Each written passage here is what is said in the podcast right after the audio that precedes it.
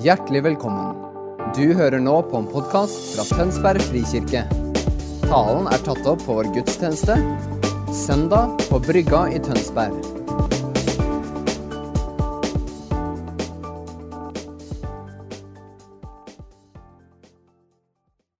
Ja, det er, eh, det er godt at jeg ser eh, at det er en god del mennesker her, selv om det er kvinnene stort sett kanskje er samla bort på Brunstad.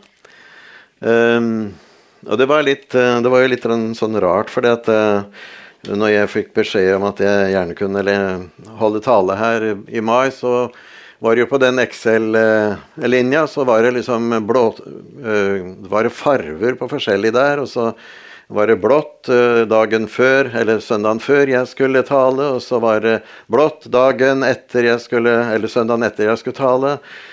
Og i denne dagen så var det rosa.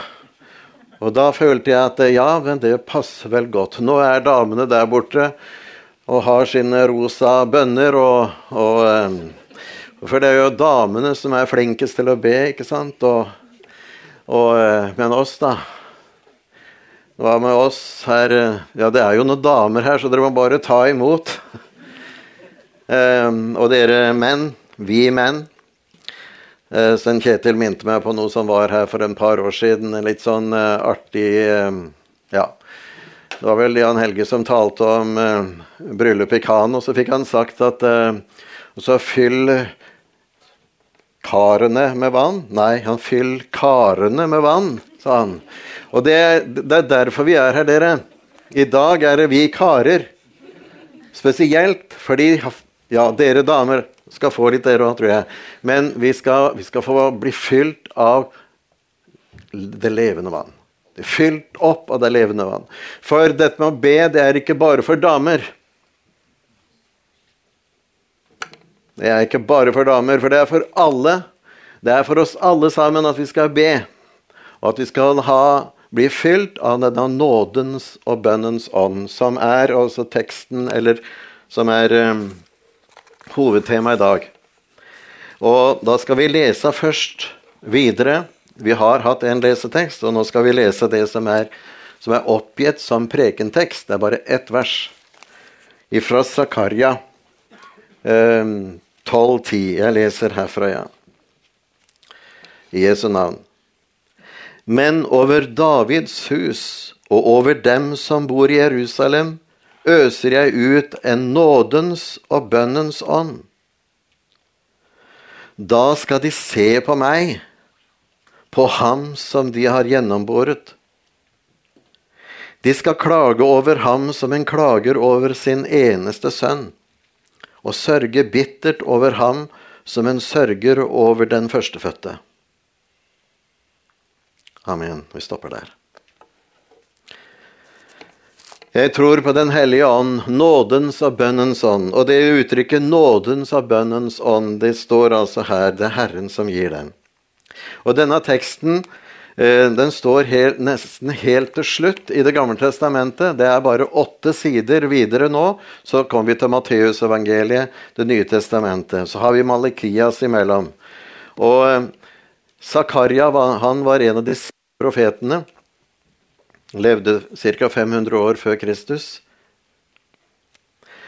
Men når det står altså så nært Det nye testamentet, så er det kanskje ikke så rart da, at det vi har lest her, er en tydelig profeti om frelserkongen Jesus, Messias, som blei korsfestet og gjennomboret, som det står her, ved romeren Pontius Pilatus, etter et sterkt press ifra folkets ledere og folk. Jødenes ledere pressa jo hardt på. Og dette er altså en profeti om hva som skal skje i den aller siste tid. Med Guds utvalgte folk, Israel, jødefolket, og for folkeslagene. Og så var det jo flott da at vi skulle ofre i dag til nettopp det arbeidet som Frikirken har til, til Israels folk på forskjellig måte, og de ikke minst de Messias-troende. Men la oss nå gå litt inn i denne teksten og, og se hva som eh, Være sammen med Zakaria, hva som en gang skal skje der framme. Verset vi leste om her, som vi leste, begynner med et 'men'. Det står 'men over Davids hus og, og over dem som bor i Jerusalem, øser jeg ut'. Så dette her 'men', det ordet 'men', er et slags sånn motsetningsord til eh, det som eh, står foran. I vers 9 så står det nemlig 'Den dagen' akter jeg å utrydde alle folkeslagene som kommer mot Jerusalem. Den dagen akter jeg å utrydde alle de folkeslag som kommer mot Jerusalem. Men over Davids hus osv. Så, videre, så skjer det noe helt annet. Det skal altså først skje skremmende, et skremmende alvorlig oppgjør på den politiske ytre plan med disse folkeslagene. Og er, der er vel antageligvis med de aller fleste i verden, antageligvis. Disse som kjemper mot det utvalgte jødefolk. Gud skal holde en knusende dom over dem. De kjente ikke Gud og forfulgte hans utvalgte folk. Gud har herredømme over alle folkeslag, og han skal dømme rettferdig. På mange måter kunne vi kanskje si at de får som fortjent, eller vi får som fortjent. Og så er det det som virkelig er budskapet. Men for Gud, han har en helt annen plan. En helt annen plan for sitt utvalgte folk. Dette, denne Abrahamsslekten. For fra vers 10 så ser vi at det skal skje en indre omveltning og fornyelse når Gud øser sin hellige ånd over hele folket. Du hevner deg kjærlig. Det står da om en god hevn i Jesaja 61. Det skal vi kanskje komme tilbake på litt. Men da skal det altså skje at over både i Davids hus og over dem som bor i Jerusalem, så skal dette skje. Altså både over lederne i Davids hus, både over eh, det, si, det politiske maktapparatet, de som sitter i ledelsen i Israel, og over de som bor i Jerusalem og antageligvis i innenfor hele Israel. Både ledere og hele folket de skal oppleve noe helt annet enn folkeslagene rundt. Dette handler altså ikke om noe som skjer fordi eh, lederne finner på det, eller at folket kommer som en slags folkebevegelse. Nei, vekkelsen kommer fra Gud sjøl. Da vil jeg. Da vil jeg. Det kommer Han griper inn i denne historien når han vil som en helt gratis gave fra Gud sjøl. Gud gjør dette en, ut fra sin egen lidenskapelige kjærlighet til det folket som han har utvalgt, og som han har gått inn i en pakt med. Jeg vil, uten at de fortjener det. Det er, det er, selvfølgelig snakk om en ufortjent nåde, fordi nåde betyr jo nettopp det at det er noe vi får uten å fortjene det. For profetene Vi leser jo, vi har lest masse profeter foran her som, som sier at dette folket er et gjenstridig folk. Det er et hardt, et ulydig folk, et trassig folk. De har opplevd så mange under. Tenk bare på Moses gjennom ørken, eller i Sivhavet og i ørkenen f.eks. Og på nytt og på nytt har Gud gjesta folket med nåde og kjærlighet og godhet. Og like etterpå så glemmer de hele Gud, og så går de sin egen vei.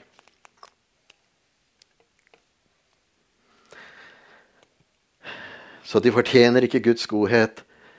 Og Derfor kaller denne ånden for nådens ånd ifra Gud. Nådens ånd. Og denne ånden skal øses ut. Det er ikke bare småtteri. Det betyr at det skal komme i overflod, som en mektig elv, som drar med seg hele folket inn i Guds rike. Det skal altså skje en gang. Det skal komme ei mektig elv. Hun øser det ut. Og når Gud gjør det, så gjør han ikke småtteri. Han gjør det med overflod. Det har også Jesus sagt. Han har kommet for å gi oss liv, og liv i overflod. Sånn er det med Gud. Vi skjønner det bare ikke, vi kjenner ikke. Men det er sånn. Og nå, altså, vær med i denne teksten nå. Endelig åpner de seg for ham. Han som en gang gråt over dem i Jerusalem, han som sa at han ville samle dem, som ei høne samler sine kyllinger under sine vinger. Men de ville ikke. Han som ville beskytte dem, varme dem og gi dem evig liv. Han som var kommet til sine egne men hans egne tok ikke imot ham. Men nå Nå Nå ser de. Nå går sjølve sannheten opp for dem. Den som de egentlig har bedt om hele tida uten å vite hva de ba om. Han har jo kommet, han har jo vært der, men de har ikke sett det enda. Men nå går sannheten opp for dem som en guddommelig åpenbaring. Nå skjønner de og erkjenner sin egen synd fordi de forkasta Messias da han kom til dem en gang. Ja, sin egen synd. Den hellige ånd, sier Jesus, skal overbevise verden om synd. Det er én ting han skal overbevise verden om synd, rettferdighet og om dom. Det er Den hellige åndens oppgave. Og så sier Jesus om synd fordi de ikke tror på meg. Det er definisjonen på synd. All annen synd har Jesus tatt på korset.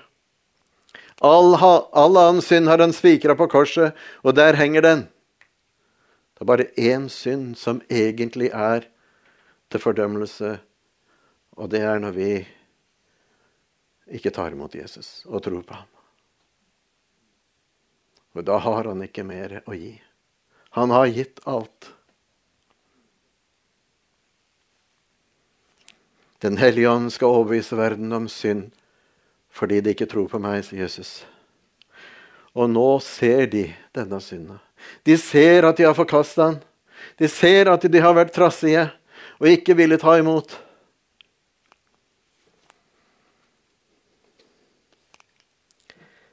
Dette er jo sjølve synden i bestemt form. Det gjelder for alle mennesker til alle tider. Og derfor trenger de nå nettopp denne dyrebare nåden og tilgivelsen fra Ham som står trofast ved sitt løfte. Han som ikke kan, og heller ikke klarer å fornekte seg sjøl. Det står om det i et av brevene. For sånn er bare han i sitt vesen. Vi er troløse, men han er trofast, for han kan ikke fornekte seg sjøl, står det. Trofast kjærlighet. Han klarer ikke annet enn å elske dette folket tilbake. Han har gått inn i en pakt, og han må utføre sin del av pakten og gjøre alt han kan for å frelse dem, og han klarer det. Fordi han kommer med en nådestrøm som de bare faller ned for. Ja, for hva er resultatet at han øser ut sin ånd over dem? Da står det i teksten som vi leste, da skal de se på meg, på ham som de har gjennomboret. Det er Gud sjøl som altså taler gjennom profeten. Og derfor så sier han, da skal de se på meg, sier Gud. Og så peker han på sin sønn Jesus, så skal de se på ham sin elskede sønn, han som de gjennom, hadde gjennomboret.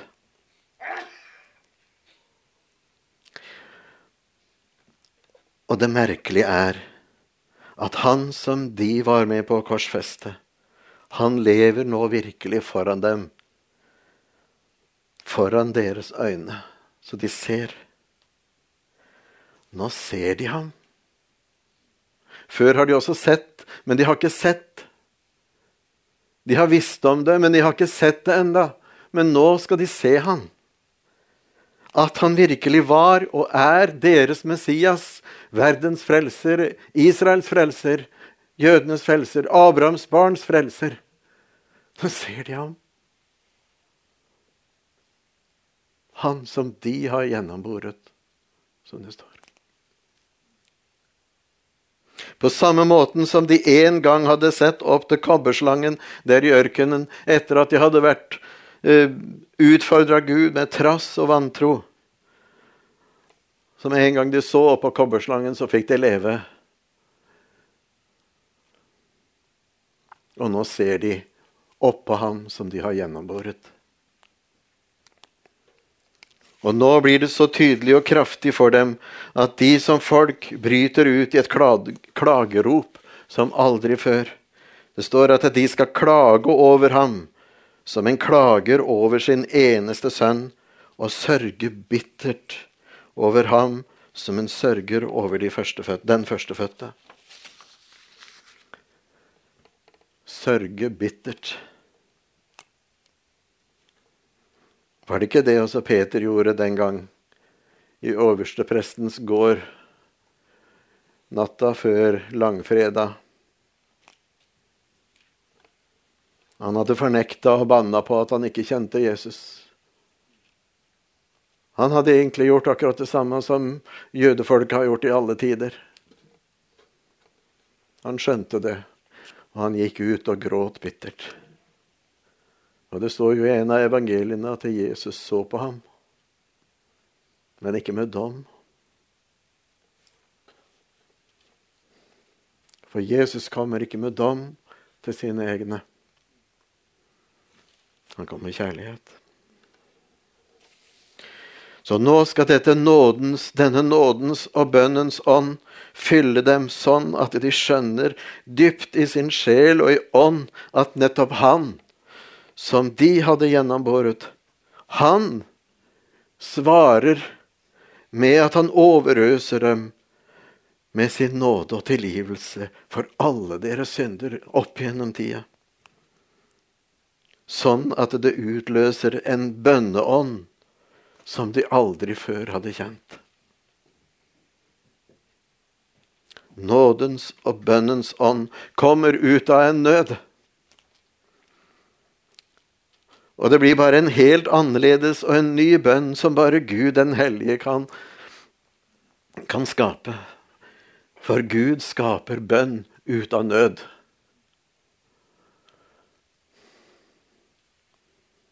St. Kjetil sa vi har mange slags bønner, og det har vi.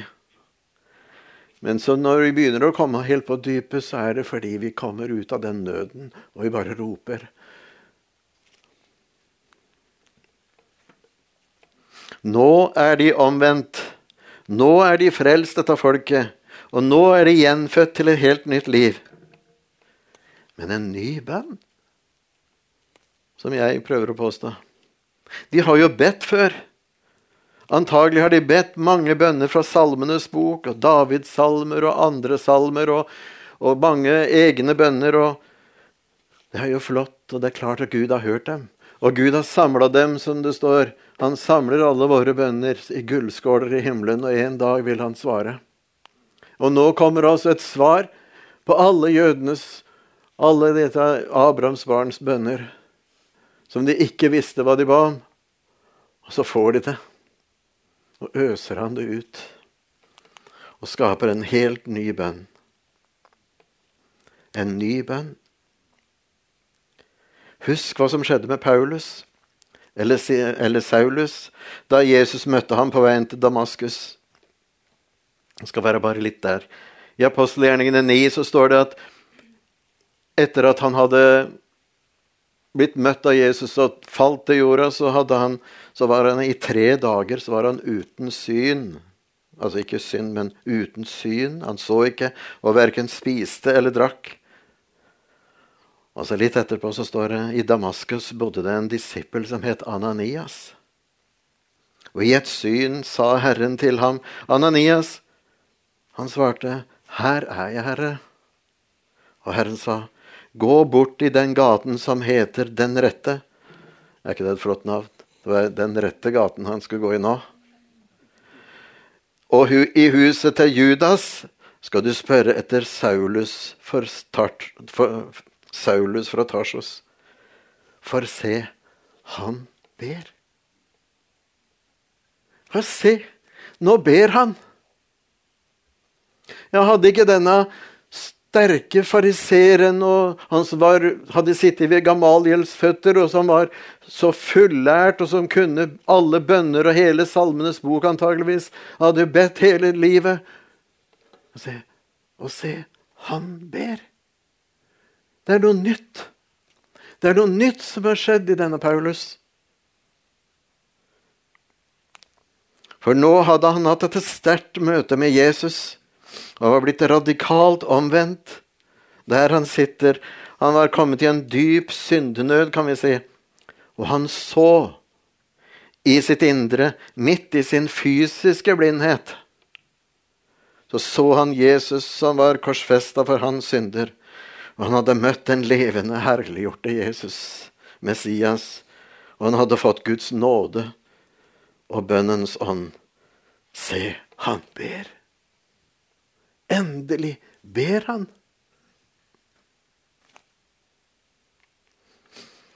Og Da gikk Ananias, og han kom inn i huset, la hendene på ham og sa, Saul, min bror, Herren selv, Jesus, som viste seg for deg på veien hit, han har sendt meg for at du skal få syn igjen og bli fylt av Den hellige ånd.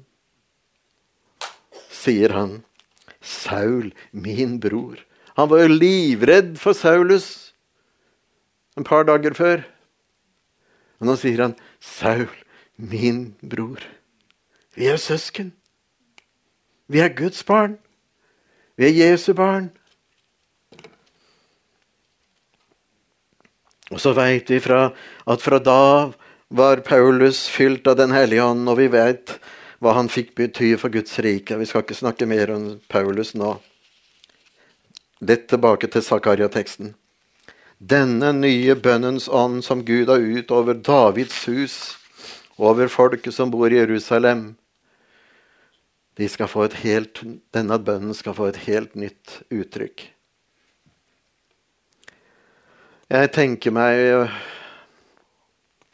Det står jo ikke i Bibelen, da, men Men jeg tror det blir et helt nytt uttrykk, for det blir noe helt nytt når Gud skaper bønn og nådens og bønnens ånd.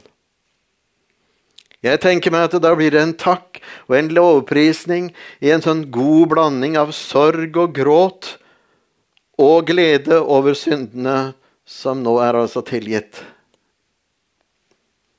For det er sånn. Vi gråter over vår synd, men vi gråter også i glede over at Han har tilgitt vår synd.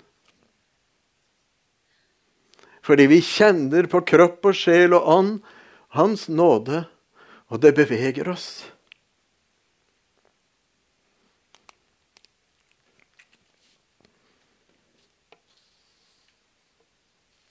Nå må jeg leite hvor det var.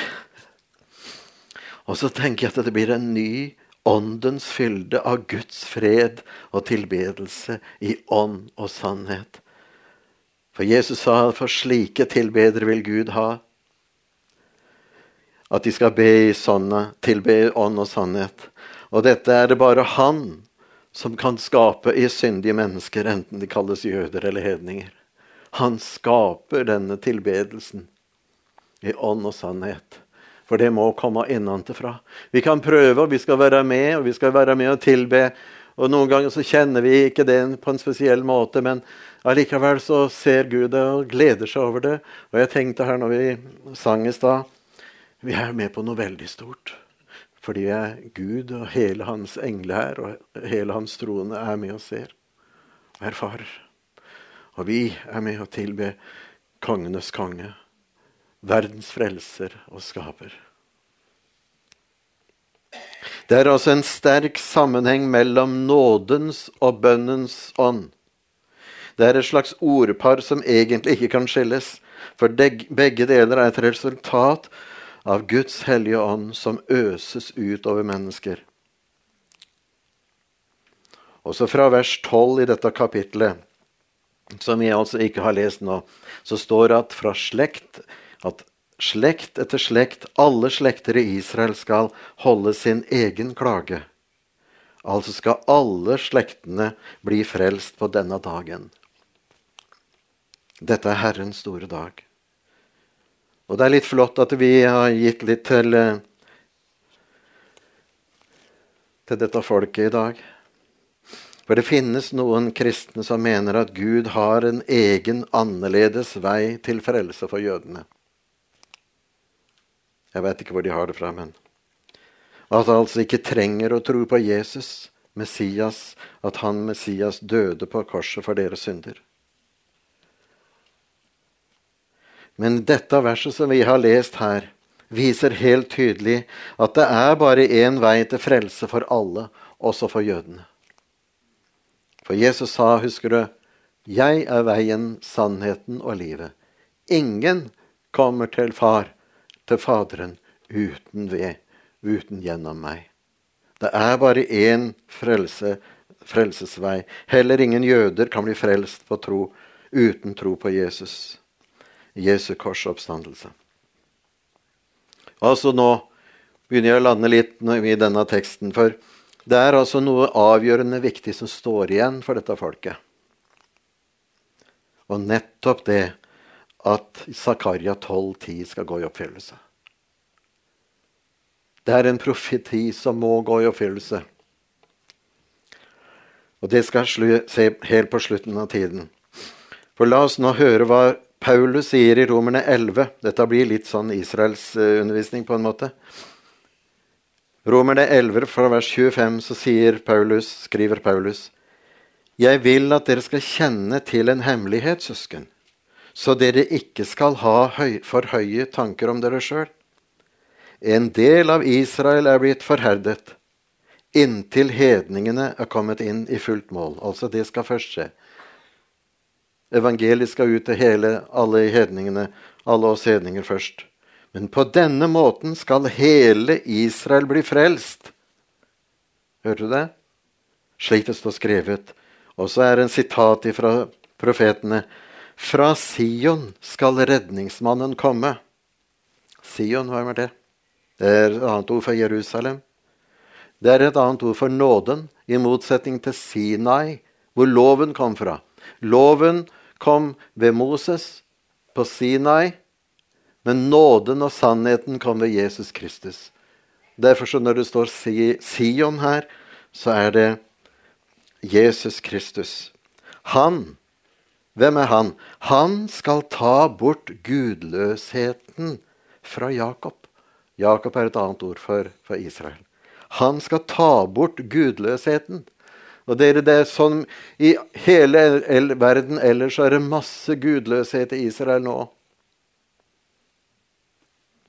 Det trenger vi ikke å bli uenige om. Men han, Jesus, skal ta bort hele gudløsheten. Dette er min pakt, står det til slutt. Min pakt med dem, og jeg tar bort syndene deres. Gud griper altså inn sjøl og ordner hele frelsesverket ved at han viser dem Jesus på korset så de bøyer seg for han og tar imot frelsen i Jesu navn.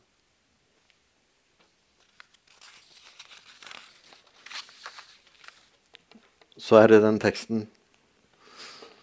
Men det er altså ikke bare jødefolket som førte Guds sønn til korset. Vi må bare ta med det. For det er, hvis dere følger litt med i, dags, i pressen og, og sånt, så har det vært en veldig diskusjon om dette her med at Kirken har anklaga jødene for at har Eh, at de har, de har drept Jesus, frelseren.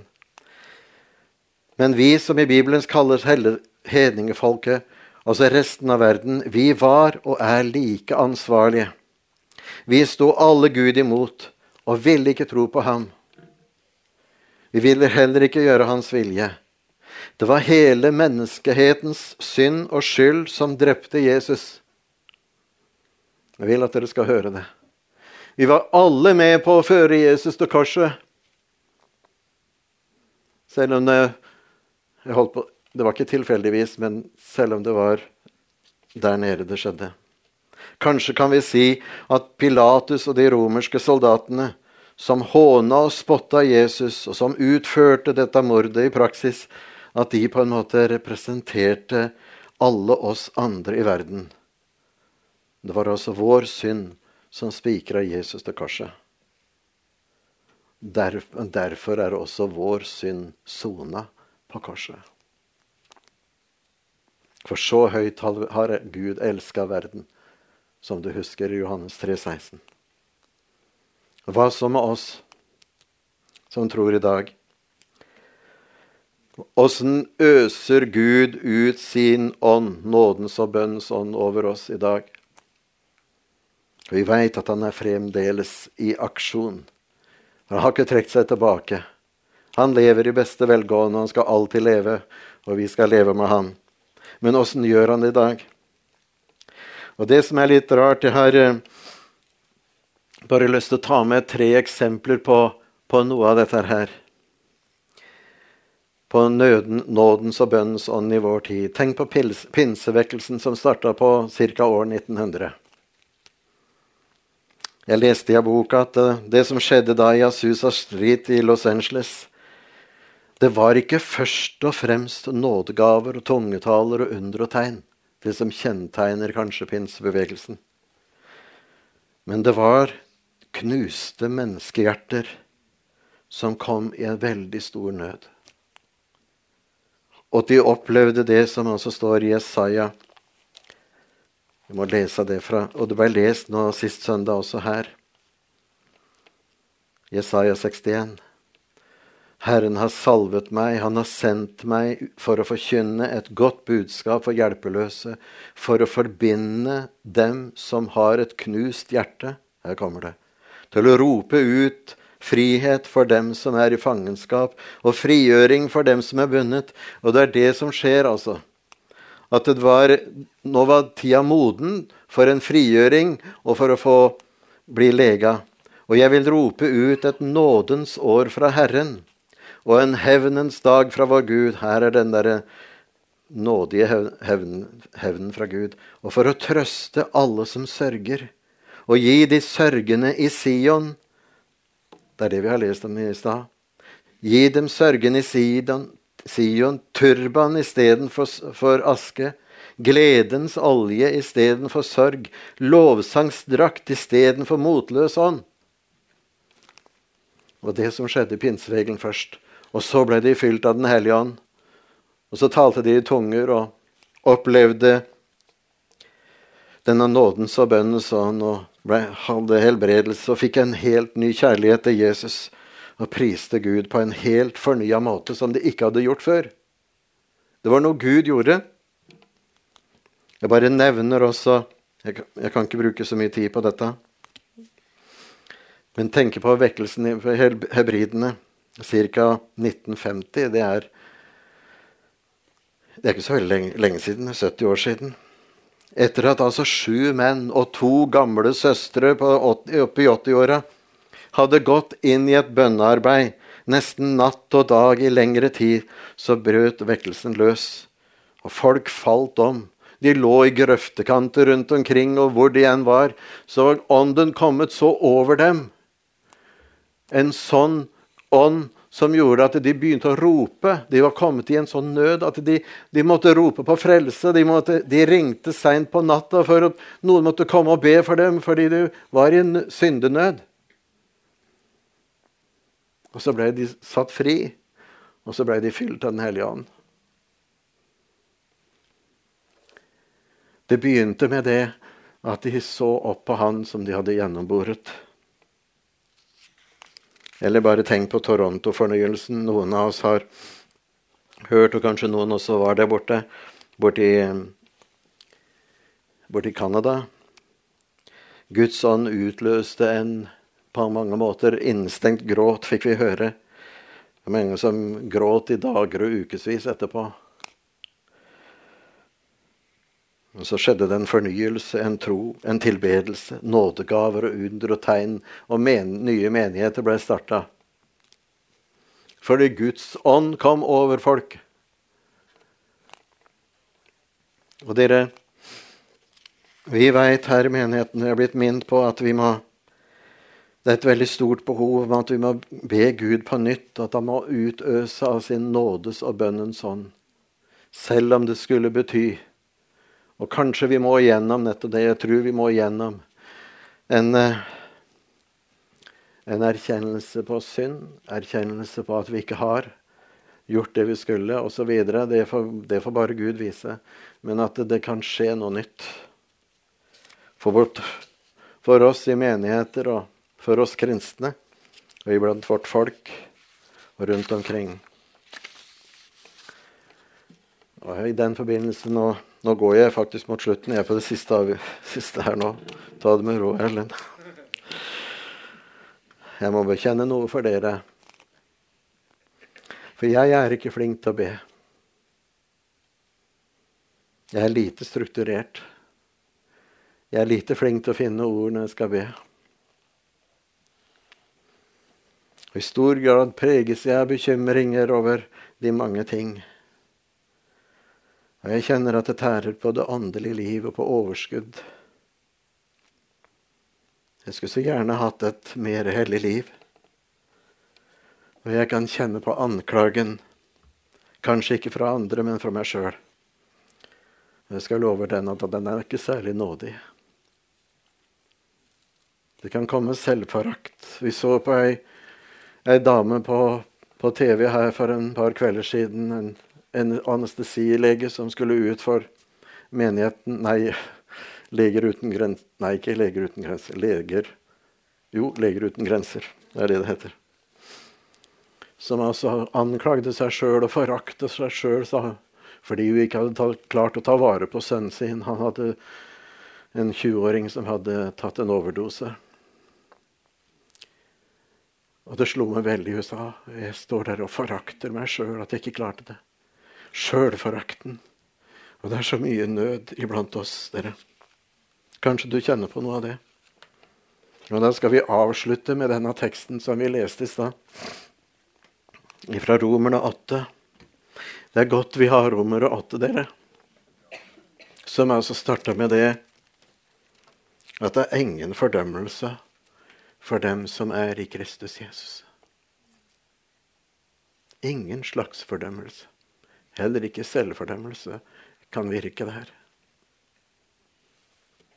Men vi skal ta, ta litt fra eh, håper jeg kan få se litt hva det står her. Vi har lest det fra, fra vers 22. Ja, flott. Der kommer den fram. Jeg må se her.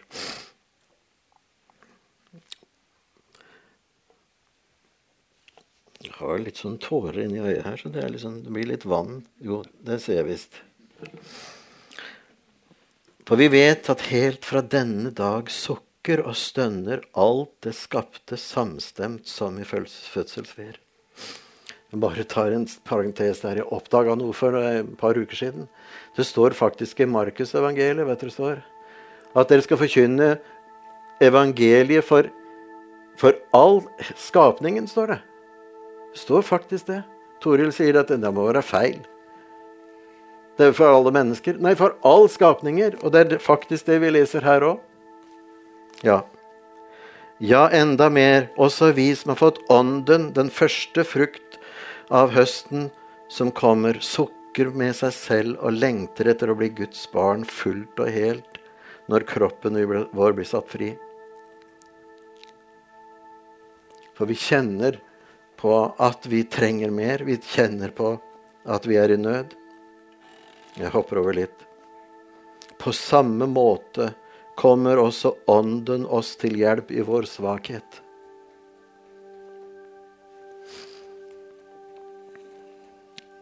Vår svakhet. Min svakhet. Mine feil. Mine mangler.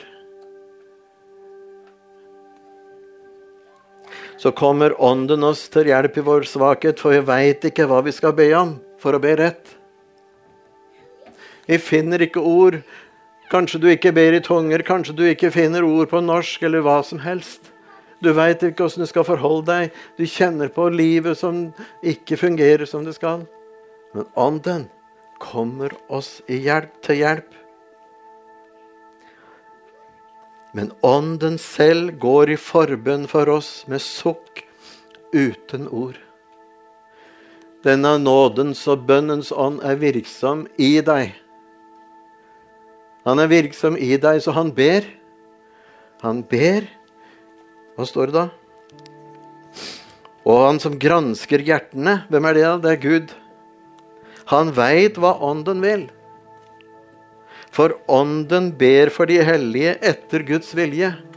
Så du kan være trygg på at når du sier 'Herre Jesus, kom Hellige Ånd', kom, jeg klarer ikke. Så kan du være trygg på at Den hellige ånd ber i deg, ber til Gud for deg og gjennom deg, og med ditt, bare ditt at du er der, så ber du etter Guds vilje. Så du skal ikke være bekymra for at du ikke får det til. Jeg må ta med bitte litt til. For vi vet at alt tjener til det gode for dem som elsker Gud. Det står ikke der, men det står her. Dem som han har kalt etter sin frie vilje, og det er du. Det er deg. Dem som han på forhånd har vedkjent seg, har han også forhånd bestemt til å bli formet etter sin sønns bilde. Det er ikke småtteri. Han har bestemt seg for å forme deg etter Jesus Kristus. Når du ser Jesus, så, så, så skal du bli som han. Vi skal se han som han er, og vi skal bli han lik. Og Gud holder på med denne prosessen i ditt liv hele dagen. Hele livet. Helt til vi kommer hjem, da han er ferdig med verket sitt. Men han holder på med nådens og bønnens ånd. Og den som på forhånd har bestemt til dette, har han også kalt. Og den som han har kalt, har han også kjent rettferdige. Du er også rettferdig. Og den som han har kjent rettferdig, har han også herliggjort. Har, har han også herliggjort, står det. Hva skal vi da si til dette? Er Gud for oss? Hvem er da imot oss? Han som ikke sparte sin egen sønn, men ga ham for oss alle, kan han gjøre noe annet enn å gi oss alt? Sammen med ham. Det er som jeg hører Kari Job synger i The Blessings. Han er med deg. Han er for deg. He is for you. Og så ramser det opp Bibelen som sier at fra tusen slektsledd så for dine barn skal være velsigna, og deres barn og deres barn. Dere, når jeg er i Det er ikke så sjelden jeg er litt nedfor. Da kan jeg sette på den, og så kjenner jeg det sannheten i dette ordet. Vi som er gamle foreldre og besteforeldre, vi kjenner nok på noe av dette. At vi skulle så gjerne ha sett mer. Men vi har en velsignelse. Tusen ledd. Han skal gi oss alt. Deres barn, våre barn, deres barn og deres barn og deres barn. Han er for deg. Han er bak deg, foran deg, ved siden av deg. Han er med deg. Han er med deg. Du ser jeg ser da for meg hun som forkynner og proklamerer. He is for you. He is for you. Han som ikke sparte sin egen sønn, kan han gi oss noe annet enn alt med ham? Det er nådens og bønnens ånd. Bare vær hos ham, så gjør han verket sitt. Priser deg, Herre Jesus Kristus. Du som blei gjennombåret, og så tok våre synder. Du som øste utover oss denne nåden, sånn at vi kunne få lov til å be fri og frank, på en fri måte helt inn til Faderen. Gå inn i ditt, ditt nærvær, og så får vi lov til å be den bønnen som du ber i oss. Og så sitter du Jesus, som det står her på slutten av dette kapitlet. Om du sitter Jesus ved Faderens høyre hånd, og så ber du også for oss. Takk for at du ber for meg, Jesus. Takk for at du går i forbønn for meg. Priser deg, Jesus. Priser deg, Jesus. Kom, Hellige Ånd. Kom,